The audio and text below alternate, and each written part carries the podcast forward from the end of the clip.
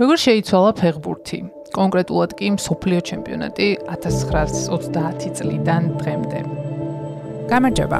ჩვენ მარკეტერიდან ვართ და ეს საინტერესო პოდკასტია.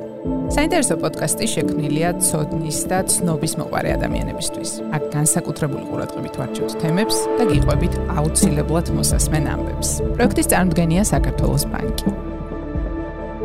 დღევანდელი პოდკასტი იქნება ისეთ თემაზე, რომელიც დღეს ახალ წელზე უფრო აქტუალურია, ყოველ შემთხვევაში ჯერჯერობით. ამჟამინდელი მონაცემებით ამ თამაშით დაკავებულია 275 მილიონი ადამიანი მსოფლიოში, საიდანაც 13 მილიონი ქალია. ანუ საუბრობთ ყველაზე ყურებად სპორტზე, ანუ ფეხბურთზე და დიახ, ეს პოდკასტი ალბათ მხოლოდ მას მოეწონება, ვისაც ფეხბურთი უყვარს, თუმცა გვირდებით, რომ ვეცდებით ჩემს სტუმართან ერთად ისეთ საკითხებსაც შევეხოთ, რომ არამოყვარულებიც დაგაინტერესოთ. როგორია მსოფლიო ჩემპიონატის ევოლუცია 1930 წლიდან 2022 წლამდე ურუგვაიდან კატარამდე? როგორ შეიცვალა ფეხბურთი მარადონადან მესიმდე, როგორ შევიცვალეთ ჩვენს კომაგები.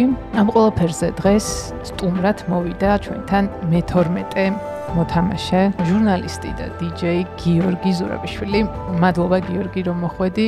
ისეთ თემაზე სასაუბროთ, რომელიც ჩემთვის ძალიან საყვარელია და დღეს ძალიან სუბიექტურად ბედნიერი ვიქნები.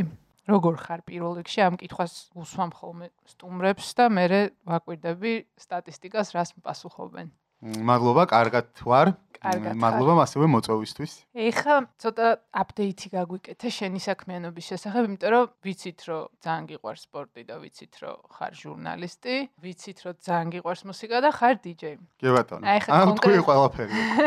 რას აკეთებ, სათხარ რეებს აკეთებ? პატარა აპდეიტი გაგვიკეთე. ზოგადად მივედმოვედები ბევრ ამის და ერთ რამეზე მიჭირს ხოლმე კონცენტრირება. როგორც თქვი, სპორტულ ჟურნალისტიკას კლავ მიყვები. მიყვები, კი, Silk Sports-ზე ვმუშაობ, მიმყავს კალათბურთი NBA. აჰა, ხო, ეს ვიცი. კალათბურთი. ხო, ასევე DJ ვარ, დიდ დროს ვთმობ მუსიკას, მუსიკის შეგროვებას, ასევე Mutant Radio-სთან თანამშრომლობ, ჩემი გადაცემა მაქვს hip-hop-ზე. უწერ სხვადასხვა თემებზე, მუსიკაზე, სპორტზე, გეიმინგზე და ასე შემდეგ, მოკლედ. ე როგორ გადაანაწილებდი შენს ძალისხმევას და ყურადღებას პროცენტულად აი ამ სამ რაღაცაზე, რაც ჩამოთვალე? მმ არ ვიცი ძალიან ესე მიჭირს თქმა და ზოგადად მე მიყვები ხოლმე ჩვენ მუზას. ამიტომაც ავირჩი ალბათ უფრო ეს შედარებით ხელოვნებასთან ახლოს რაც არის ასეთი პროფესიები რადგან აქ არ ვარ შეზღუდული დიდად და ის განწყობაზეც ვიქნები იმას ვაკეთებ ხოლმე თუ მუსიკის განწყობაზე ვარ მთელი დღე მუსიკას უთმობ დიგერობ არჩევ ტრეკებს, ვაწყობ სეტებს, ასე შემდეგ უსმენ ახალ მუსიკას. ხანდახან შეიძლება სპორტის ხასიათზე უფრო ვიყო და მთელი დღე სპორტს ვეჯდე. მოკლედ, ესე ზოგადად მე დიდად დაგეგმვა არ მიყვარს ჩემი ცხოვრების და არ ვფიქრობ ხოლმე, არა, არა, გაწერილია. კარგია ეგ. ნუ, გააჩნია როგორი ტიპი ხარ. ხო, ინდივიდუალური არის. მე უფრო კომფორტულად ესე უგრძნობ თავს, როდესაც ყოველი დღე არის შედარებით განსხვავებული და ნაკლებად ვიცი ხოლმე რას ვიზამ. რა თქმა უნდა, ხა მაინც მიწევს მეც გაწერა რაღაცეების და დაგეგმვა ასე ვთქვათ, მაგრამ რაც ნაკლებად ვაკეთებ ხოლმე ამას, მით უკეთესია ხოლმე ჩემი სულისთვის ასე ვთქვათ. აი, რამე ლინკი შეგიძლია რომ სპორტი და მუსიკა, აი ამ ორ შორის რამე ლინკი შეგიძლია გაბა? კი, ძალიან დიდი მსგავსებაა, იმიტომ რომ მე სპორტს როგორც ხელოვნებას ასე უყურებ პირველ რიგში, არ უყურებ როგორც რაღაც შეჯიბრს და როგორც ფიზკულტურას.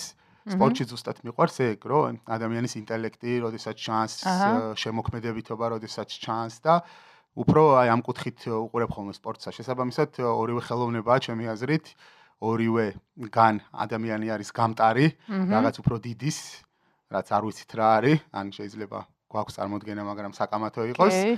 და ეს მიყვარს ხო, აი, როდესაც და რომელი იყო პირველი სპორტი თუ მუსიკა შენ ცხოვრებაში? აა რთული კითხვა, ორივე ბავშვობიდან მიყვარს ძალიან, მაგრამ პროფესიულად ხო, პროფესიულად სპორტი, სპორტი, კი.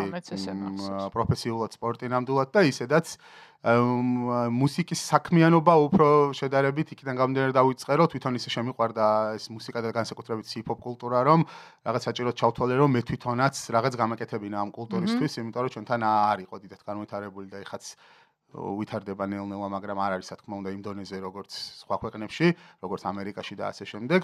და აი სპორტს რაც შეეხება, ეს თავიდანვე ვიცოდი იდეაში ბავშვობიდანვე, რომ რაღაც სპორტთან ახლოს უნდა ყოფილიყავი, ჩემი საქმიანობის ხრივ და ანუ ბავშვობიდან რომ სპორტი იქნებოდა ჩემი საქმე, ხო?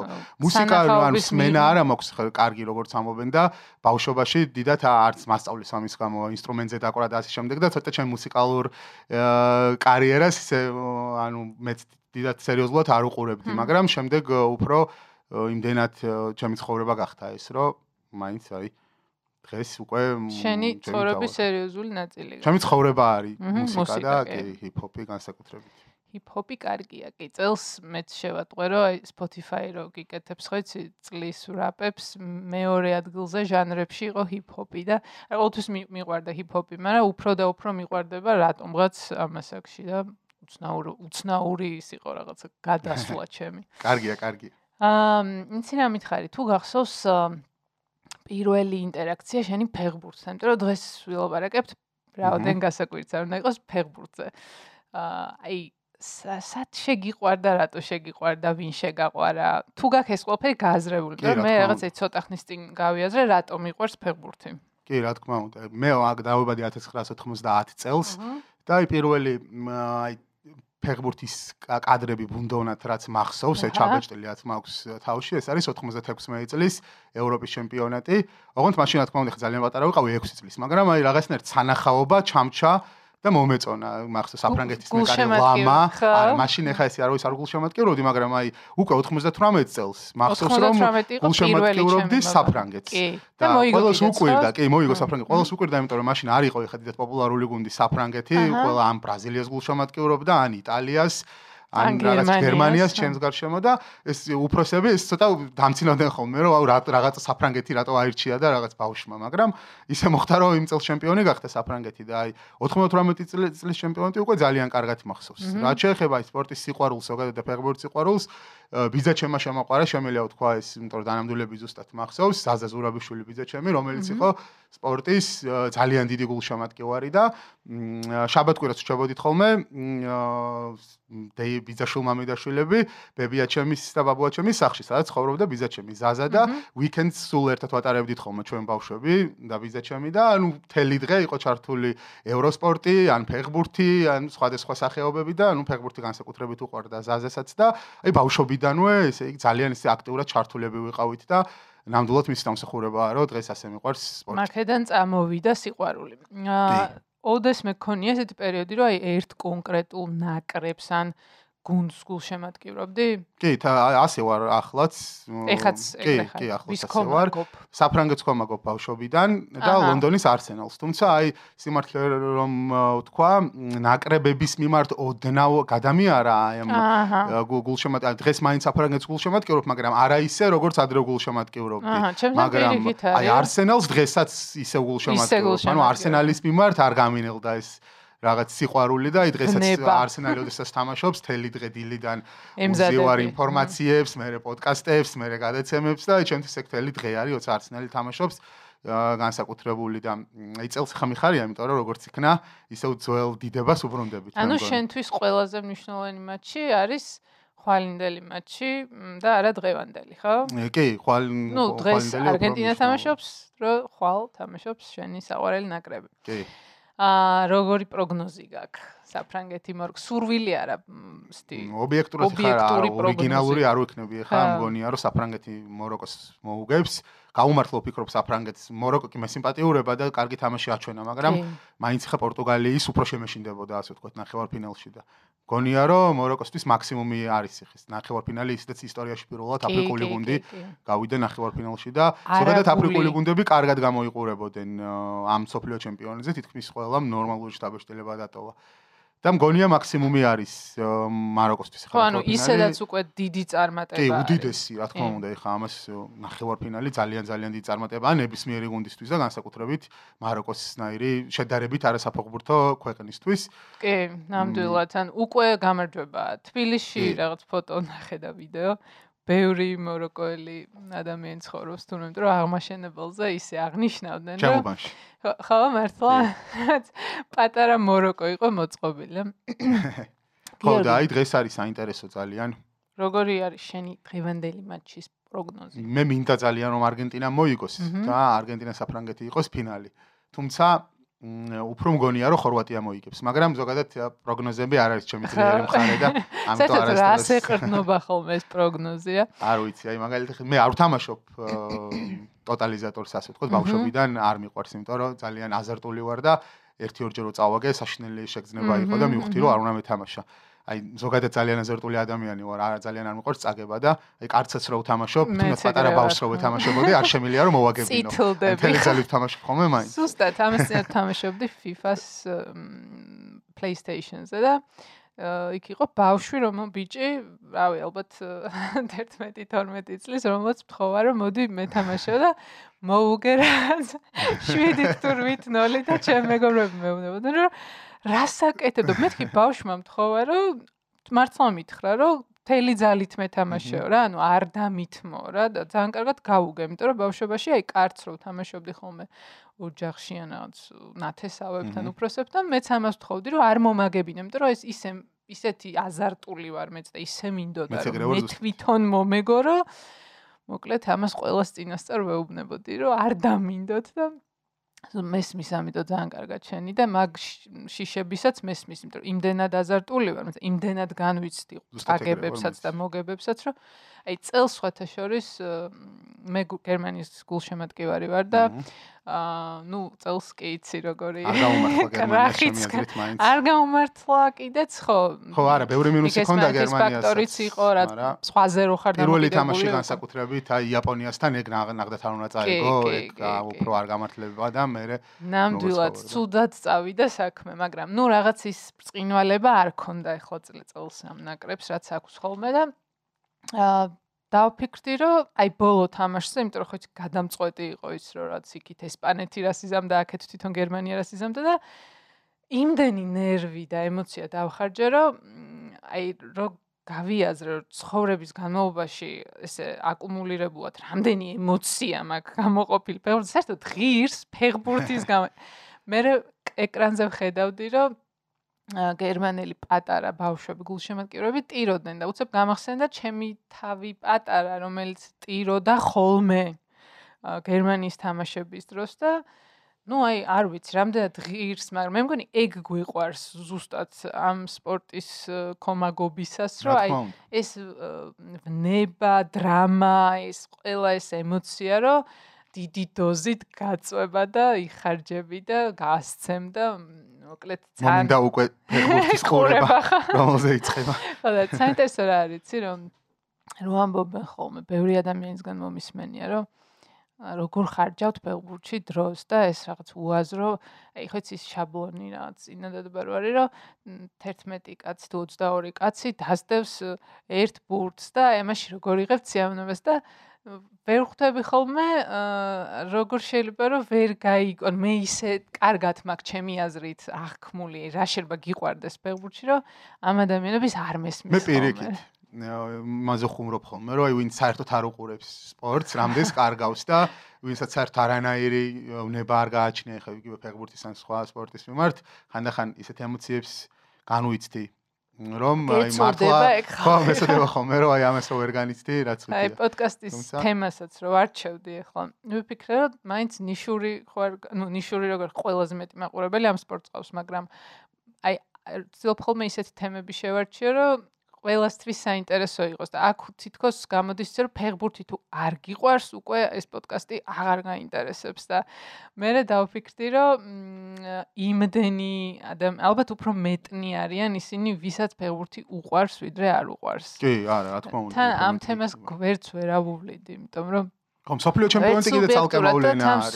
სოფლიოს მიმდინარეობა აქეთ და მოკლედ ვერავუარე გვერდი რა თქმა უნდა. კარგია, კარგია. თან სოფლიო ჩემპიონატი ისეთი მოვლენაა, რომ ზუსტად ის ადამიანებიც კი უყურებენ და შედარებით ადამიანებთან თვალყურს, ვინც დიდად არ არის ფეხბურთში და სპორტში ზოგადად, ამიტომ ეს არ მხოლოდ სპორტული მოვლენაა, ჩემი აზრით, რაღაც ზოგადად კულტურული კულტურული მოვლენაა ჩემპიონატი და აი კულტურული პოლიტიკურიც და ყველანაირი მოვლენა არის. ძალიან დიდი რამე არის სოფლიო ჩემპიონატი, თან 4 წელიწადში ერთხელ რომ არის ეს დამატებით შარმს და ხიბლს აძლევს. ცოტა სევდიანათაც აღვიქვი ეგ რა.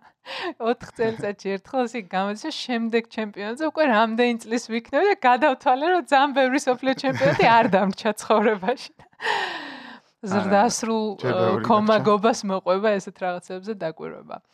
გიორგი, ჩვენი მთავარი თემა მინდა რომ დღეს იყოს ზუსტად სოფლიო ჩემპიონატი და უფრო დეტალურად ეს ევოლუცია რაც სოფლიო ჩემპიონატმა განიცადა. წეგან ახსენე რომ კულტურის ნაწილია და აი ზუსტად აქედან გამომდინარე პირველი კითხვა მექნება რომ კატარში რო ტარდება წელს ჩემპიონატი, ამაზე რას ფიქრობ და რას გრძნობ? იმიტომ რომ მეც რაც შეგრძნებები მაქვს ამ ყოველფრის მიმართ პირადი ემოციები და შენიც მაინტერესებს. რა თქმა უნდა, ცუდია კატარში რომ ტარდება, ამ მე მგონი ამაზე ყოველთან ხდება. რა დააკლო, დააკლო რამე იმ ფაქტმა რომ კატარში შეიძლება ორგანიზების თვალსაზრისით ხა არაფერი დაკლებულა და მე პირადად აი ეს ინოვაციები რაც არის მომწონს, მაგალითად რა სტატისტიკაც ეწერება ხოლმე თამაშების დროს, იმიტომ რომ ძალიან მნიშვნელოვანი რაღაცები ეწერება, აქამდე ამას ესე ასე არ გამოქონდნენ და ყურადღებას ნაკლებად ააქცევდნენ. აი მაგალითად forced turnovers რაც არის, ხო? ანუ პრესინგი შედეგად რამდენჯერ დააკარგინა ბურთი ერთმა მოთამაშემ მეტოქე გუნდს ეს ძალიან მნიშვნელოვანი. ასევე წერება ხოლმე ხაზებს შორის ბურთი რამდენჯერ მიიღო კონკრეტულმა მოთამაშემ. ეს ეს ძალიან მნიშვნელოვანი იმიტომ რომ დღეს იმდენად პატარა სივრცეები არის რომ ხაზებს შორის ბურთის მიღება არის ერთ-ერთი უმნიშვნელოვანესი რაც განაპირობებს შემდეგ საფეხბურთო შეტევას და საფეხბურთო მომენტის განვითარებას. ამ ხრივ მომწონს ძალიან ხო ორგანიზებითაც ნამდვილად ცუც ვერაფერს ვერ ვიტყვი უბრალოდ რაც არ მომწონს ის არის რომ ზოგადად არ არის საფეხბურთო ქვეყანა ყატარი და აი რაღაცნაირად ეს კულტურის ნაწილი არის კულტურის ნაწილი არ არის და ეს იგრძნობა ძალიან ხარ ჩვენ ზუსტად მაგაზე ვსაუბრობდით რომ სოფლიო ჩემპიონატი რაღაც მოვლენა არის არის მხოლოდ ფეხბურთი და აი საერთოდ არ იგრძნობა გარდა თამაშებისა რომ რა მეხდება ამ ხრივ თვითონ იმ ადგილას იმიტომ რომ ჩვენ გვახსოვს ხო სადროდესაც სტარდება ხოლმე უფრო საფეხბურთო ქვეყანაში რა ხდება? და როგორი დღესაც სწაულია და თვითონ ქალაქებში რა ხდება და ეს დამატებით ხილს აძლევს რა თქმა უნდა ჩემპიონატს და ნუ გარდა ამისა ყველაზე მეტად რაც არ მომწონს ეს არის რომ გაიყიდა პრაქტიკულად FIFA ხო და ანუ ფულმა გადაწონა ყველაფერი სხვა და თან ზედიზედ მოუვიდეთ ხა ჯერ რუსეთში ჩატარება და შემდეგ ყატარში ეს ორი არც ერთი არც ერთ არც ერთგან არ უნდა ჩაეტარებინათ ასე ვთქვათ და ზედიზედ ორჯერ და ანონსეს ხო რომ ეს ჯერ 2018 იქნებოდა რუსეთში და მე რეიქნებოდა კატარში. ხო დიდი ხნის წინ. 2010 იყო 12 არც მე არ მახსოვს მაგრამ 2010 წელს რუსეთი ხო მაინც უკვე რუსეთი იყო. 2008 წლის ომი მომხდარი იყო ფაქტია და კი კი კი. ანუ ეს ZDZ რაღაც ორი უსი ამოვნო და ამას ემატება ის რომ ეხლა არ ვიცი მართლა რო გითხრა მანდ რა ხდება მაგრამ მახსოვს რომ 2000 რომელიღაც წელს 15-ში თუ 14-ში იყო სკანდალი რომ დაიჭერეს ყველა ძალიან ბევრი ადამიანი დაიჭერეს ხო ძალიან კორუფციული სტრუქტურა არის ზოგადად სპორტში არის კორუფცია. მე არ მიყვარს კონსპირაციული თეორიები და ის რაღაცის რომ მომეხომე რომ ეს თამაში გაყიდულია და განსაკუთრებით სოფლიო ჩემპიონატზე მე ამის ამჯერ საკლუბო დონეზე ხდება რა თქმა უნდა. მაგრამ თვითონ FIFA ძალიან და UEFA ორივე არის ნუ იყო ყოველ შემთხვევაში და დღეს არ ვიცი რა ხდება მაგრამ ძალიან ძალიან კორუფციული ორგანიზაციებია და ეს ძალიან ცუდად ასე ვთქვათ წარმოაჩენს თვითონ ფეხბურთს და თვითონ სპორტის სახეობას. მე პროტესტის შეგრძნება კიდე გამიჩინა აი პრეისტორიებმა, რაც აა უკავშირდებოდა ამ სოფლიო ჩემპიონატის კატარში ჩატარებას.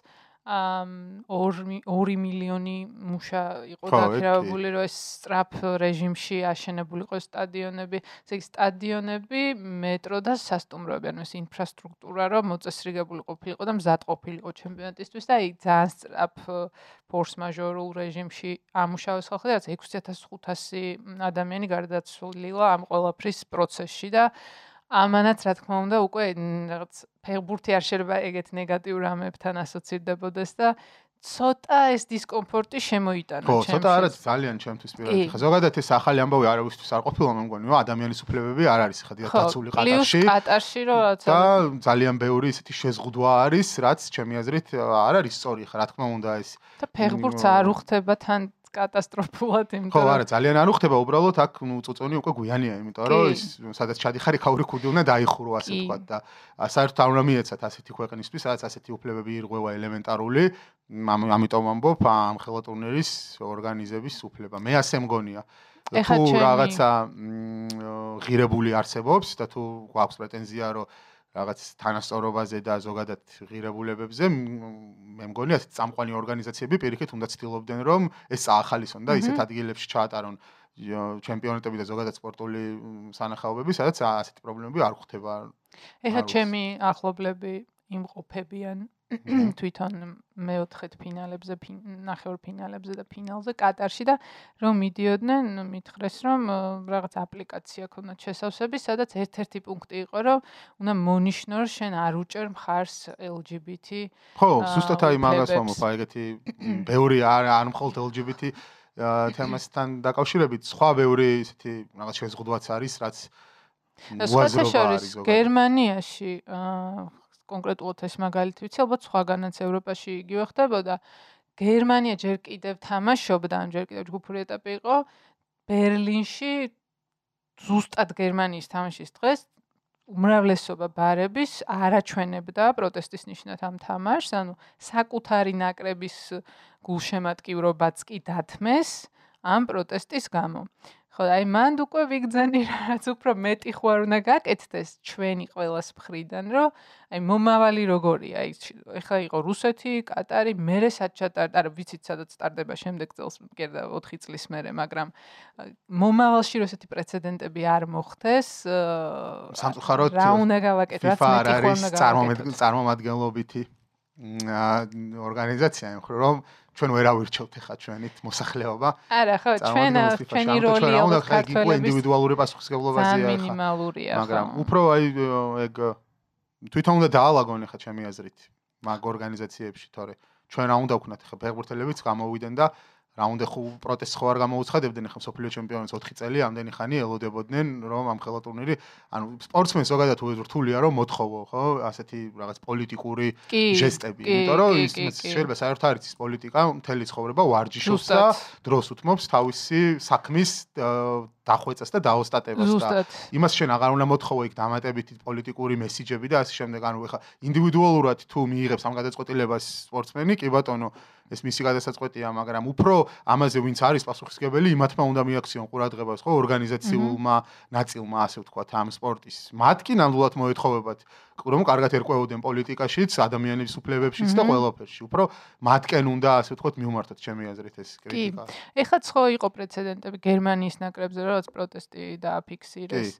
ამ ხო, ირანის იყო ძალიან ისეთი ემოციური რო არ იმღერეს იმნი ირანელებმა და ირანელებმაც კი ანუ იყო რაღაცები მაინც და მნიშვნელოვანია რომ ეგ რაღაცები. კი კი. დაფიქსირდა.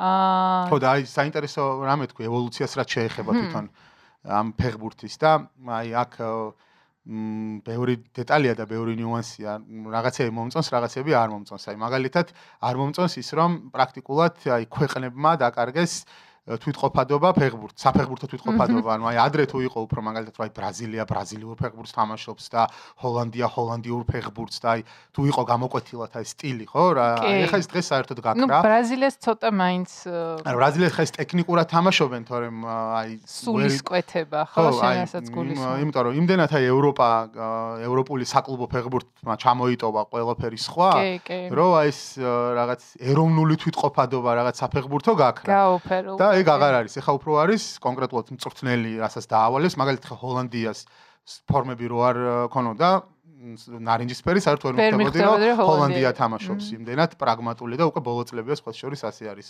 ჰოლანდია უფრო დაცვიდან თამაშობენ. ასე წარმოუდგენელი იყო ეხა ადრე ხო პირიქით. ერთ-ერთი ყველაზე შემტევი და ისეთი გახსნილი გუნდი იყო. იგივე დანიის ნაკრები ერთ-ერთი ყველაზე პრაგმატული გუნდი გახდა.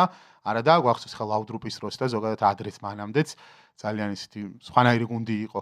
აი დღეს ეგ აღარ არის. ანუ უკვე კონკრეტულად რესურსიდან გამომდინარე თამაშობენ ხოლმე, ათამაშობენ ხოლმე ფეხბურთს მწვრთნელები. მაგრამ სხვა მხრივ ჩემი აზრით ძალიან საინტერესო თვითარდება ფეხბურთი და ყოველთვის როგორ ხდება, ხო? აი როგორც თუნდაც აი ფილოსოფიაში არის ასეთი ჰეგელს აქვს ძალიან საინტერესო თეორია მის დიალექტიკაში გვხვდება თეზისის და ანტითეზისის თეორია გვხვდება, რაც გულისხმობს იმას, რომ ნებისმიერ რაღაც მოვლენა ისტორიაში რო ხდება, ის ანუ შეგვიძლია თეზისად მივიჩნიოთ, ან რაღაც მოძრაობა, რაც შემდეგ გამოიწვევს ანტითეზის, ან რაღაც კონტრმოძრაობას და შემდეგ რაღაც იბადება ახალი სინთეზის სახით. აი მაგალითად, როდესაც ძალიან პოპულარული იყო რაღაც მემარცხენე მიდგომების სამყაროში, იყო რევოლუცია კომუნიზმის შემდეგ, შემდეგ იმან გამოიწვა პირიქით უფრო მემარჯვენე მიდგომების პოპულარიზაცია, დღეს პირიქით და ესე რაღაც იცვლება, ხო? იგივე არის ფეხბურთშიც, თქვა აი რაღაცა. შეიძლება რაღაც იქამდე მივიდეთ, რომ მე ამან საპირისპირო გამო. კი, საპირისპირო, ეგრე ხდება ხოლმე ფეხბურთშიც დომინირებს რაღაც სტილი,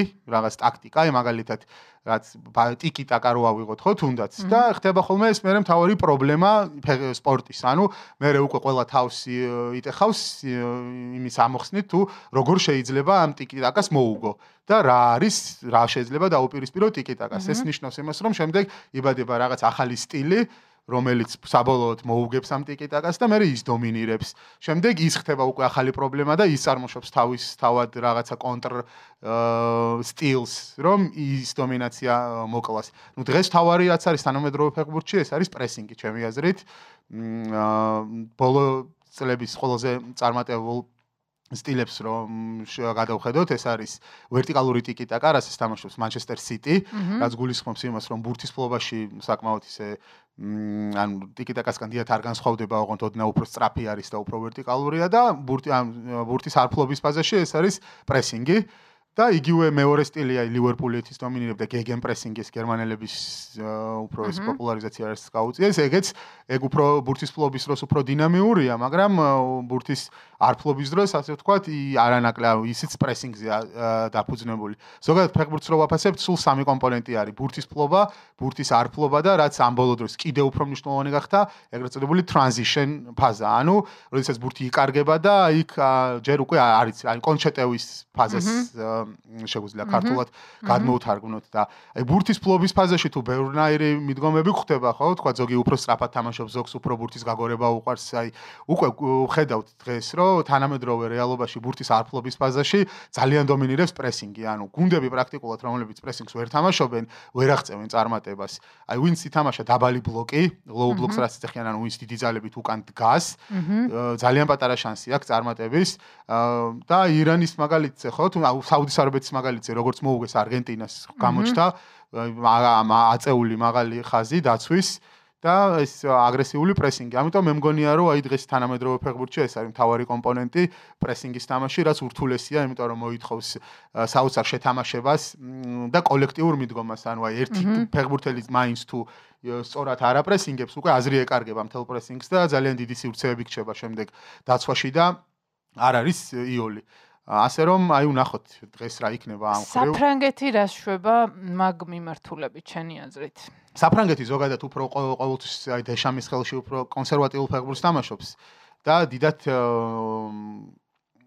საკმაოდ პრაგმატულ ფეხბურთს თამაშობს ჩემი აზრით საფრანგეთი, როცა ჭირდებათ მაშინ უმატებენ ხოლმე. ნუ მე ზოგადად არ მიყვარს ასეთი სტილის ფეხბურთი, უფრო თამამი ფეხბურთი მიყვარს, მაგრამ ნუ შედეგს დებს ფაქტია, ეხლა საფრანგეთი და ეს წვრთნელი არ სანახაობრივი მაინც არის ასე თუ ისე, მაგრამ მე უბრალოდ გონია რომ უფრო მეტის რესურსი აქვს ამ ნაკრებს და საფრანგეთი ინგლისი ძალიან კაი თამაში იყო ამ. მე მგონი ყველაზე კარგი თამაში იყო. ესეც გოლდინს ეგეთი მქონდა რომ ეს იქნება ამ სოფლიოს ყველაზე კარგი თამაში და მართლა ეგრე იყო. აი მივხვდი რომ რა ბედნიერი ვარ არც ერთ არ გულშემატკივრობ აქედან მაგრამ თან მაინც ძალიან რაღაცა ემოციურად აღტკინებული ძალიან ვინერვიულა რომ აი რა მოხდება და იმდენად კარგი კი შემეცოდა ინგლისი. ასეთი კარგი ინგლისი მე არასდროს არ მახსოვს.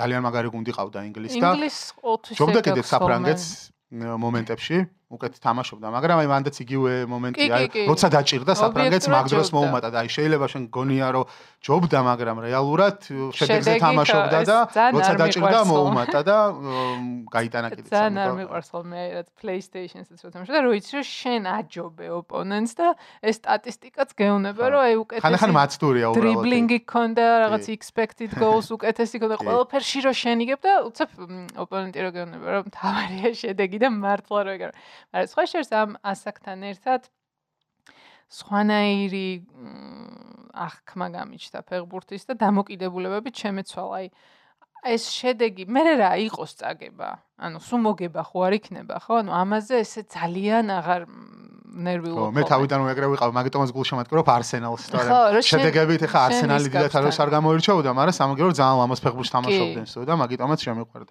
კი და თან რა არის იცი რომ ადრე თუ აი კონკრეტულად გერმანიის ნაკრებზე ვიყავი ჩაბჟირებული, ეხლა მივხვდი რომ უფრო კარგი ფეხბურთის გულშემატკივარი გავხდი და სიამოვნებას ვიღებ თუნდაც მესისგან, თუნდაც მბაპესგან, არ ვიცი ვინც არ უნდა იყოს ეხლა ძალიან დიდ სიამოვნებას მანჭებს, როცა ესთეტიურ ფეხბურთს ვუყურებ და იმ ტექნიკას და იმ სკილებს რაც აქვს განსაკუთრებულ ფეხბურთელებს და თუნდაც აი მოროკოს თამაშისგანაც მივიღე სიამოვნება რომ ეს პრეცედენტი მოახდინეს რომ პირველად ისტორიაში გავიდნენ მე დამსახურებულად თან სხვა არ იყო რაღაც შემთხვევით მოიგო და რაც ან იშრომეს და გააკეთეს. იაპონია ცენტრს იყო ამ კუთხით მათი ყურებაც, იმიტომ რომ ო დისციპლინით შედეგი გერმანიას და ესპანეთს მოუგეს, ხო?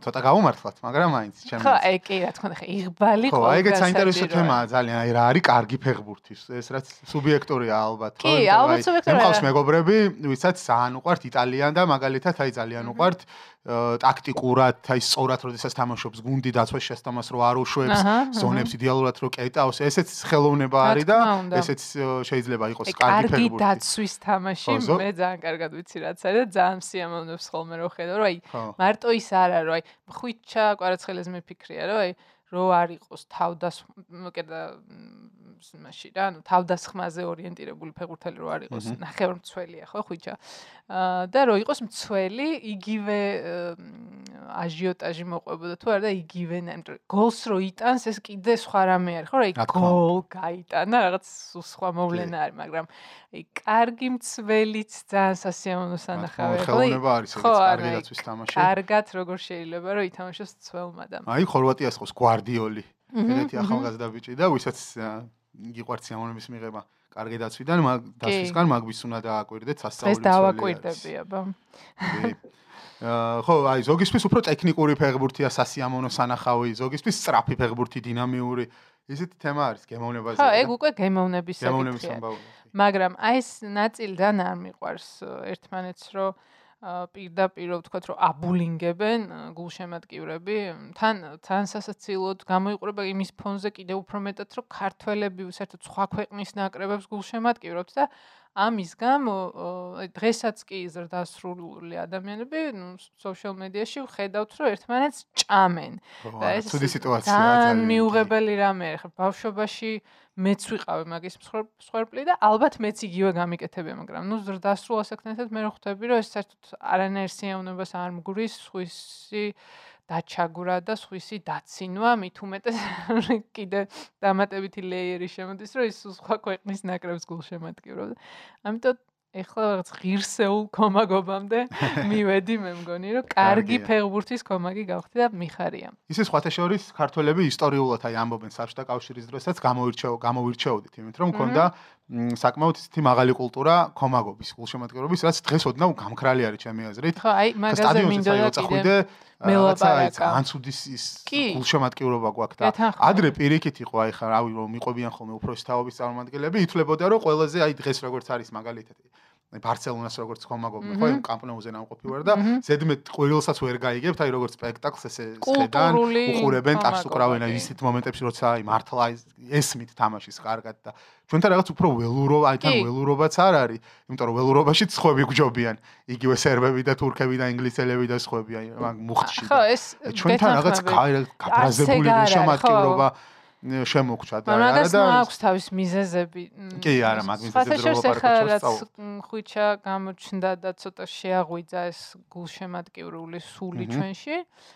ვიყავი თამაშზე, ანუ მაგ პერიოდში და სპეციალურად ვაკვირდებოდი, რომ აი რა შეცვალა ამან. ნუ შეცვალა ის, რომ რაც უფრო ეს გონორზე მოვედით ესე მაგრამ აი ის რომ თუნდაც არ ვიცი, სხვა ქვეყანაში არ ვარ სტადიონზე მატჩის დროს ნამყოფი რა.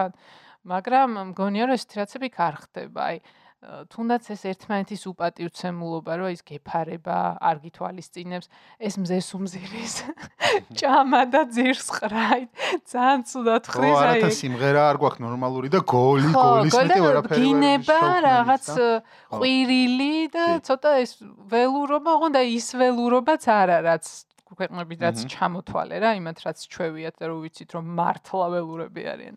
ამიტომ გონია რომ ცოტა ეგეც დასახვეწი გვაქვს და ალბათ ნელ-ნელა მოიტანს დრო მაგას. ნუ იმედია.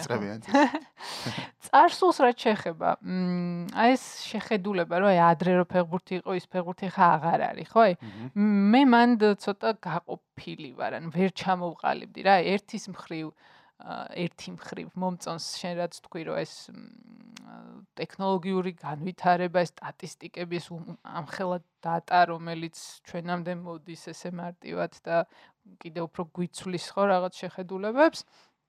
ეს ეს ნაწილი ცალსახად მომწონს, მაგრამ აა მე რაღაც ამ ბოლო დროს ხა მე 91-ში დავებადე და ამიტომ აა პირველი მატჩი რაც მართლა რაც მოგონება მაქვს გონებაში ეს იყო 98 წლის ჩემპიონატი მეც აა ყველაზე მაგარი ჩემპიონატი. ხო ეგრე ძალიან დეტალებში არ მახსოვს მაგრამ აი მახსოვს კადრები მახსოვს თქვა მამა ჩემის განცდები რა ჩემი განცდები მაშინ ესე არ არსებობდა და ეს ლეგენდებად რო გესმის რომ აი ადრე რო ფეხბურთი იყო და გერმანიაში რაღაც ბეკენბაუერი და კლინსმანი და და ნუ ხო ვიცი რომ ესენი ძლიერი ფეხბურთელები იყვნენ მაგრამ მე დავიწყე ბოლო დროს ყურება ამ ჩანაწერებს დიდად სასიამოვნო საყურებელი არ არის იმიტომ რომ ხარისხი ძალიან ცუდია ხოლმე მაგრამ აა სულ სხვა რაღაცას ვუყურებ რა ანუ ტექნიკას, ისტრაფეს, ხა იმას ვიზუალურად როგორ გამოიყურებიან ფეხბურთები, მაგაზე აღარ მაგ საუბარი და წესები როგორი იყო, მსაჯი როგორი იყო. ხო, აი, ძალიან მოკლე დროში რაღაც საოცარ პროგრესი განიცადა ამ სპორტმა და კი, აი ტოტალური გახდა ხო, აი ადიდასის ეძახდნენ ტოტალურ ფეხბურთს, ეხა დღეს არის ნამდვილი ტოტალური ფეხბურთი, იმიტომ რომ მართლა მოედნის აი ყველა მონაკვეთზე მიდის თამაში. აი ადრე გაცილებით მეტი სივრცე ჰქონდათ ფეხბურთელებს და ეს რა თქმა უნდა ეხა უფრო ესთეტიურია, როდესაც ზიდანისნაირ ფეხბურთელს სივრცეს აძლევ, ის სასწაულებს გააკეთებს და ლამაზი სანახავი იქნება თავის. აი მარადონასნაირისთვის რომ იგეცა ეგ სივრცეები, იქ რასიზამდან. ეგეც ეგ ძალიან საინტერესო რამეა. კი, საინტერესო, უბრალოდ დღეს ეხა უკვე იქამდე მივიდა, რომ ყველაფერი რეალურად იგივეა, ოღონდ უფრო დაჩქარებულად უნდა გააკეთოს ეს ფეხბურთელმა. რაც უფრო რთული არის, ხო, მაგრამ მაინც ააკეთებენ ხა არიან და ეხა უფრო აი სისტრაფეზე და დინამიკაზეა. ეხა იმაზეა, რომ ერთ-ერთზე დატოვო რამენაირად შენი საუკეთესო ფეხბურთელი მცველთან და ის ის უპირატესობა გამოიყენა. ანუ სხვანაირი გახდა უფრო განვითარდა ფეხბურთი. აი ეს ნოსტალგია რომ რაღაცა ის ძველი მაინც სხვანაირი იყო. ხო, არის ეგ ნოსტალგია, მეც მაქვს ეგ ნოსტალგია. კი, მეც მაქვს, იმიტომ რომ მაგალითად ეხა დღეს თანამედროვე ტაქტიკა ტაქტიკებში 10 ნომრის პოზიცია საერთოდ ვეღარ ხედავთ ხოლმე ხშირ შემთხვევაში ეს გამთამაშებელი რაც იყო, ხო? რომელსაც დიახ არ მოეთხოვებოდა არც ართმევაზე თამაში და არც პრესინგი და მოეთხოვებოდა მხოლოდ ბურთის განაწილება და დისპეჩერობა ასე ვთქვათ. დღეს ეს იმდენად უკვე აი უნივერსალური არის ყველა პოზიცია, უკვე ყოველს მოეთხოვება თავდამსხმელსაც, ნახევარმცველსაც, ყოველს მოეთხოვება არტმევაზე თამაში, ყოველს მოეთხოვება პრესინგი. ამიტომ პროფილურად უკვე აი ესეთი შეიძლება რიკელმეცნაირი მაგალითად ფეხბურთელი, რომ დღეს საერთოდ ვეღარ იყოს და აი ოზილისნაირი ხო? ამიტომაც აი ამოვარდა ოზილი ზოგადად და ამიტომაც ვეღარ გაკაჩა. რომ აი პროფილურად წავიდა ხო ფეხბურთში? კი, კი, ხა თურქეთში იყო ბოლოს და ხა არ ვიცი, აღარ მინახავს სიმართლე მოგითხრა. ხო და მაგას ვამბობ, რომ აი პროფილურად გაცილებით უფრო ერთ თარგზე გამოჭრილი მოთამაშეები ყავს დღეს. ხო, კაია, ეგ თუ ცუდი. ეგ თავისთავად ეგ სანახაობრივი თვალსაზრისით კარგი არ არის, რა თქმა უნდა. მაგრამ ეხა უკვე მან ახალი ეტაპია, რომ უკვე მაგ ერთ თარგზე გამოჭრილ ფეხბურთელებშიც უკვე წავიდეს განსხვავება, ხო, რომ აი უკვე ვიღაცა არანაკლებ გენიოსი იყოს, შეიძლება იმაც ჩვენ ჩამოვთვალეთ, ოღონდ სხვა კომპონენტებშიც ძლიერი უნდა იყოს. ეხა ეგ არის თავარი, რაც თავისთავად უფრო რთულია, იმიტომ რომ ეხა ეგეთი ფეხბურთელის პოვნა არ არის მარტივი და უფრო ცოტა ეგეთი მოთამაშეა ეხა. საშუალო დონემ რა თქმა უნდა აიწია ძალიან, მაგრამ ისეთი განსაკუთრებული სანახაობის ფეხბურთელები იმდენი აღარ არიან დღეს როგორც ხა მაგალითად 90-იან წლებში იყვნენ და 2000-იან წლებში სადაც ყველა ნაკრებში 5-6 ფეხბურთელი იყო ვინც აი ფანტაზისტა ფეხბურთელები ასე ვთქვათ. ფანტაზისტა ფეხბურთელები დღეს აი მაქსიმუმ 1-2 თუ ეყოლება კი კი ზუსტად 1-2 კი. აი რომ ახსენდება რონალდინიოს თამაში რომ ახსენდება იგივე იტალიის თამაში პირლოს თამაში რა ეს ნოსტალგიები მეც მაქვს ხოლმე რომ სად არიან ესეთი ფეხბურთელები და რატო აღარ არის ესეთი ხო აი პირლოს პოზიცია ზუსტად ეხლა ყველაზე მნიშვნელოვანი გახდა. თანამედროვე ფეხბურთში საყრდენი ნახევარმცველი რომელსაც ბურთი უნდა ამოიტანოს.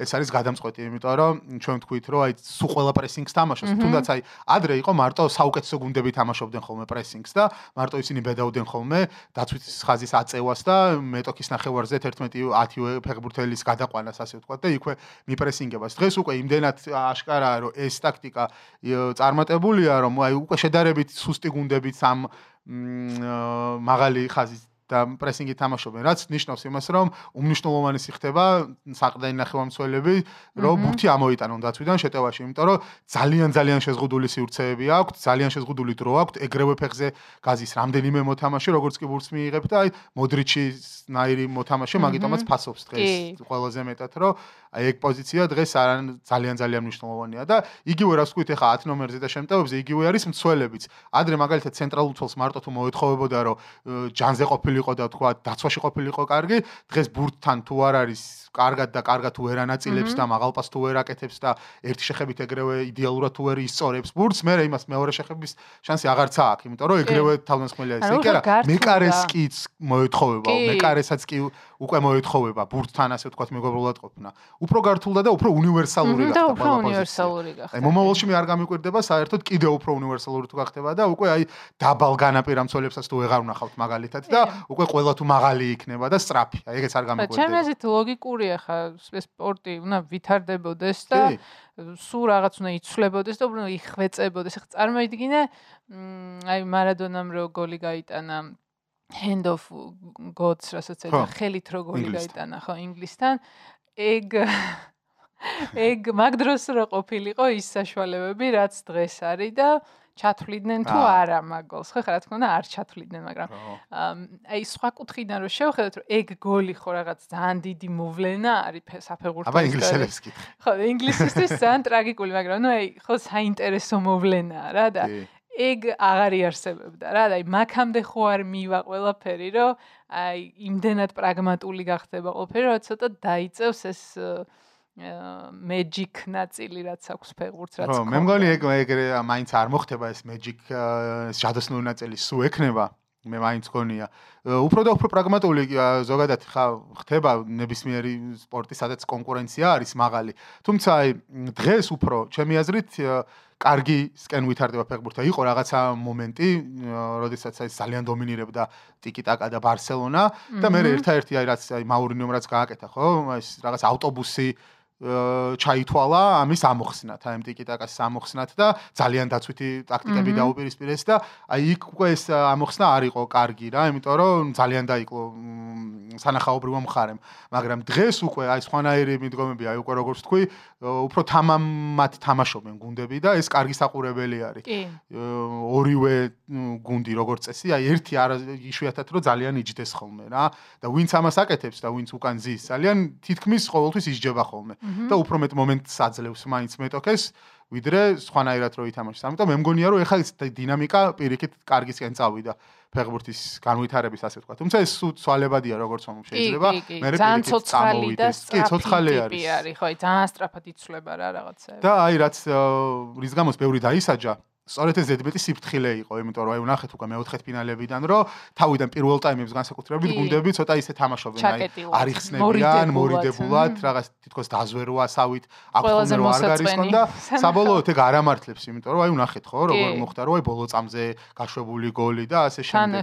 როცა მით უმეტეს ჯობი ხარ მეტოქეს, ხო როდესაც ჯობი ხარ მეტოქეს, ჯობია ალბათ რომ თავიდანვე თამამათი თამაშო, მაგრამ მე სათქმელად ადვილია და როცა ამდენი ამედებს სასწორზე, უფრო რთული არის. ხო, ძალიან ფრთხილად არის ყველა. ჩვენ რო ვიყოთ იქ, ალბათ ჩვენც ძალიან ძალიან ძალიან ფრთხილად ვიქნებოდით და ხო, სათქმელად მარტივია, მაგრამ ნუ ხო, ნუ ზოგადი სურათი ეგ არის, რომ სიფრთხილის გამო ძალიან ისჯებიან. გამო ისჯებიან, კი და ალბათ მანდაც რაღაცა ცვლილებას მოიტანს ეგ შედეგები.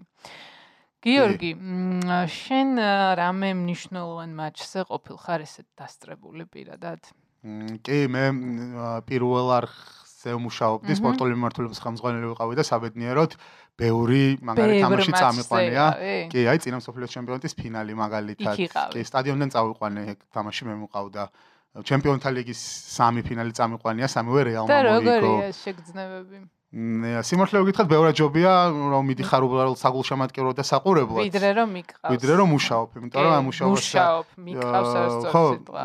მიყავს კი. ნუ რა თქმა უნდა, ეხლა ესე ძალიან სასიამოვნოა და ალბათ ყველას ოცნება არის, ვინც ჩემ ჩემი პროფესიის არის რომ ეს გამოცადოს, მაგრამ იმ ხელა სტრესი ახლავს თან, რომ აი მაგალითად ხარ რომ მკითხო თამაშებს, საერთოდ ვერ ვიხსენებ აი მომენტებს იმ თამაშებიდან და სამ სხვა რაღაცაზე ხარ ხო, იმ დროს აი ძალიან კონცენტრირებული ხარ და უფრო აი ძალიან სტრესული არის ეს და აი ის რომ ეხა დღეს ვაკვირდები ხოლმე კომენტატორებს რომ თავს რო იკავებენ, რომ პირადი სიმპათიები არ გამოხატონ, მაგრამ გოლის მომენტში რომ მაინც რაღაც ისეთ სიტყვიან, რომ იცი ყველა ის შეკავება წყალში იყრება, იმიტომ რომ ყველაფერი ნათელი ხდება ხოლმე. მან რთულია ეგ.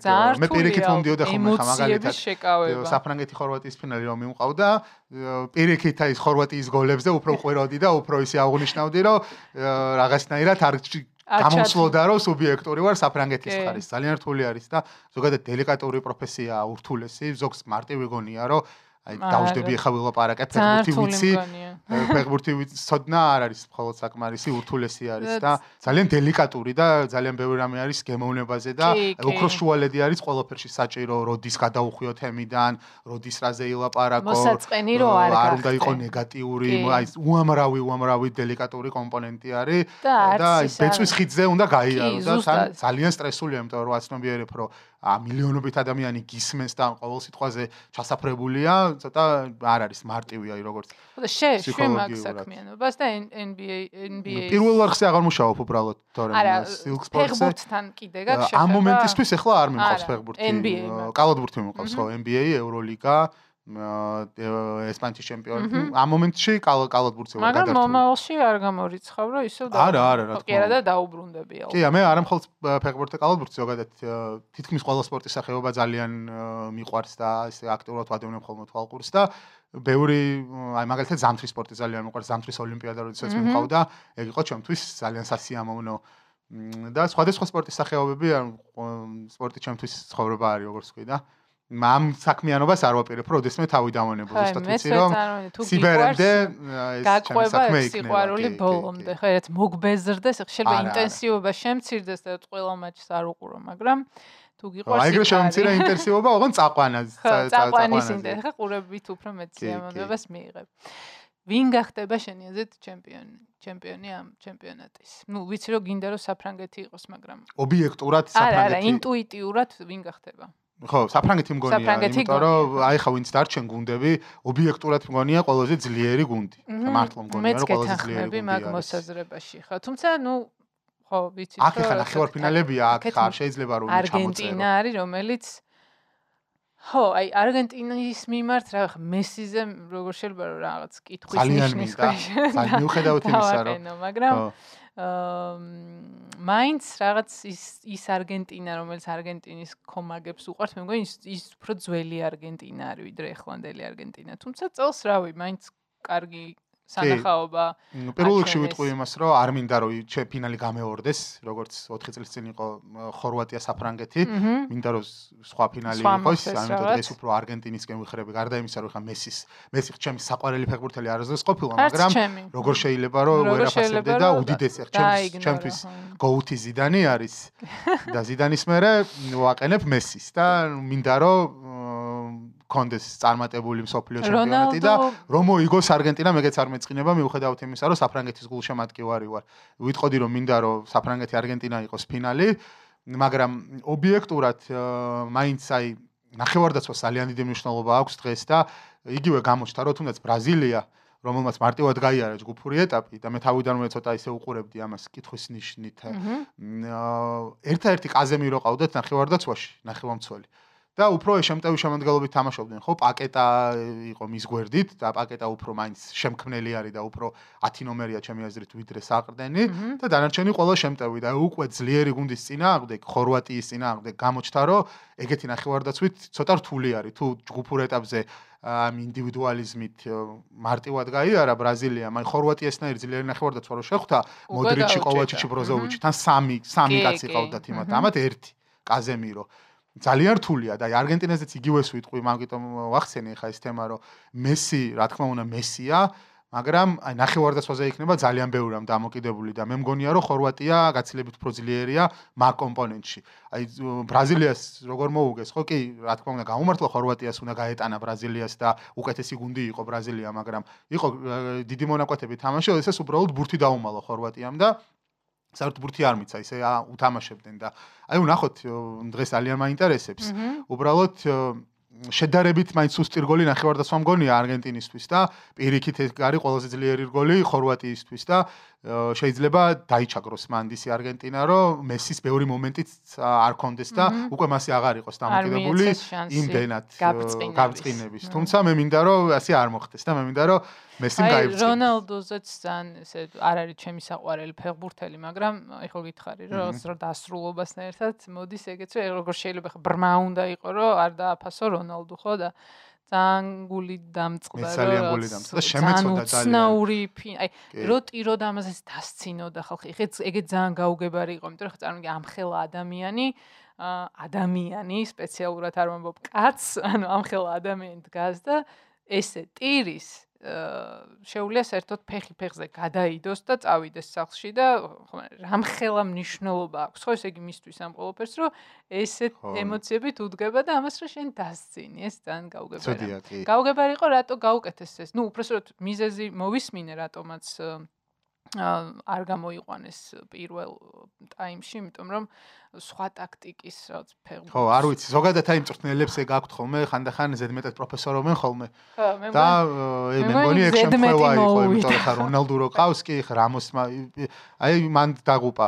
თან რო იცი რომ რო დასვა რონალდო მე როეთ ფინალში და სამი გოლიო გაიტანა რამოსმა, იფიქრა რომ ალბათ ბოლომდე ესე მიუვალო და რონალდოა ხო, ეხა თან ნაკრებში მე არ ვიცი, ჩემი აზრით ძალიან ცუდად მოიქცენ და სევდიანი სანახაობა იყო. იგივე ხა 4 წლის წინ ესპანეთი რო გააგდო რუსეთმა, ინიესტა რო არ დააყენა ძირითადში, ხო, ის სამთავრობდა კარიერას. ცოტა ვერ ხვდები ეგეთ რაღაც ხა რო ყავს ინიესტასნაირი ფეხბურთელი და რონალდუსნაირი ფეხბურთელი. მე მგონი მწვრთნელმა ზედმეტი არ უნდა იპროფესორო და უნდა ათამაშო. ეს ნაკრებში განსაკუთრებით, მაგრამ ნუ ხა აქედან კრიტიკა უფრო მარტივია, ხო, აგერ მე როეთ ფინალში არ ათამაშა და გაამართლა. მეოთხე ფინალში მაგრამ ფინალამდე თუ ეგრევე ეგონა რომ მივიდოდა სკამზე რონალდოთი, არ მგონია რომ სწორი ყოფილიყო ეგ პროგნოზი, ან მე მგონია რომ პირიქით თან კაპიტანი ნაკრების და უნდა ყოფილიყო აუცილებლად. კანსელოც იგივე ხა, კანსელო არის სოფლიოში ჩემი აზრით ტოპ 3-ში ნამდვილად შედის განაპირა მცველებში, ხო? თან სიტიში თამაშობს და აუ ერთ-ერთ საუკეთესოა სოფლიოში და მისი სკამზე დასმაც ძალიან უცნაური იყო ჩემთვის. ისევე როგორც უილიამ კარვალიოც ძალიან კარგად გამოიყურებოდა და კარგი ჩემპიონი ჰქონდა და ეგეც სკამზე დასვა. მოკლედ მწვრთნელმა? მოკლედ პორტუგალიამ ძალიან პორტუგალიის მწვრთნელმა ძალიან ხო მე არასდროს არ მომწონდა ეს ყველი იმიტომ რომ პრაგმატულ ფეხბურთის მიმდევარი იყო და რეალურად შედეგი მოიტანა იმიტომ რომ ევროპის ჩემპიონი გახადა პორტუგალია.